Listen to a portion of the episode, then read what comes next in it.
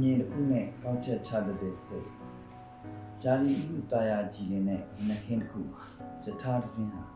မြို့ပြအဆောက်အုံကိုဖျက်ကျော်ပြီးခုံမောင်းလာနေပါတယ်ယထာပေါ်မှာတော့အသက်ဆယ်နှစ်အရွယ်ကလေးငယ်တစ်ဦးနဲ့သူ့ရဲ့ဖခင်တို့ဟာပျော်ရွှင်ညူးတူးနေတဲ့အပြုံးကိုစီနဲ့အတူလိုက်ပါလာခဲ့ပါတယ်သူတို့သားဖနှစ်ဦးရဲ့မျက်နှာချင်းစာထိုင်ကုန်မှာတော့တက်လက်ပိုင်းယူလူငယ်ဆုံးလွဲလွဲလေး တဦးနဲ့တဦးကျင်နာယူရထွေးထွေးထိုင်လိုက်ပါလာခဲ့ပါတယ်အသက်ဆယ်နှစ်အရွယ်ကလေးငယ်တွေဟာယထာရဲ့ brain box ကနေအရာရာကိုစူးစူးဆန်ဆန်လိုက်ကြည့်ဇက်ကလည်းသူတွေ့မြင်နေရတဲ့အရာတွေအထူးဆန်းတစ်ပွဲသူ့အဖေကိုပြောပြနေတယ်ဖေဖေတစ်ပင်တွေက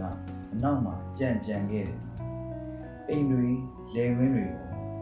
တိမ်တွေကတော့ယထာနဲ့အတူလိုက်ရွှေ့ပြီး သားတို့နဲ့အတူပါလာတယ်လို့ပဲဟိုးကလယ်ဝင်းတွေကလည်းစိမ့်နေတာပဲလယ်ဝင်းတွေကခြေတော့ရှိရှိနှုတ်သီးရှိရှိတွေကဘာအကောင်လဲဖြစ်ပြီးအဲ့ဒါဗျိုင်းလို့ခေါ်တယ်ဒါရဲ့အသက်အရွယ်နဲ့မမျှအောင်မြင်မြင်တမျှလို့ကလေးငယ်ဟာတစ်ခုချင်းနေနေပေမဲ့ဖခင်ကတော့လုံးဝစိတ်အနှောက်အယှက်ဖြစ်ပုံမရပါဘူးဒါအပြင်ပိုလို့တော့ပျော်ရွှင်နေတယ်လို့ထင်ရပါတယ် ကလေးကမေးလိုက်အဖေကဖြေလိုက်တယ်သူတို့နှစ်ယောက်ကိုကြည့်ရတာအရာရာကိုအခုမှ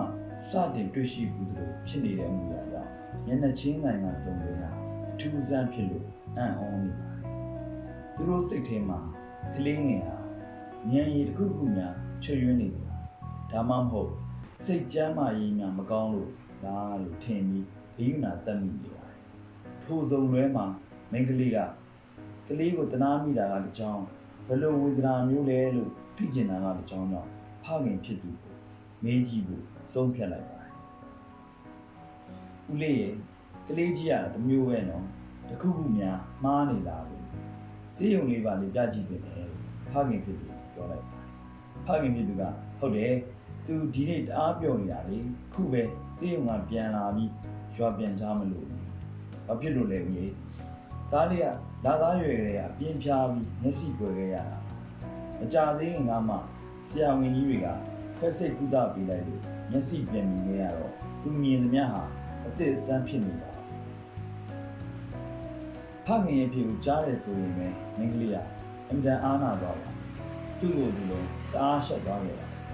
လူတစ်ယောက်ရဲ့အကြောင်းကိုဘာမှသိသိချာချာမသိပါဘူးသူ့အထင်နဲ့နေမမိဘူး စေရောဂါရှိသူကိုထင်မှတ်မိတယ်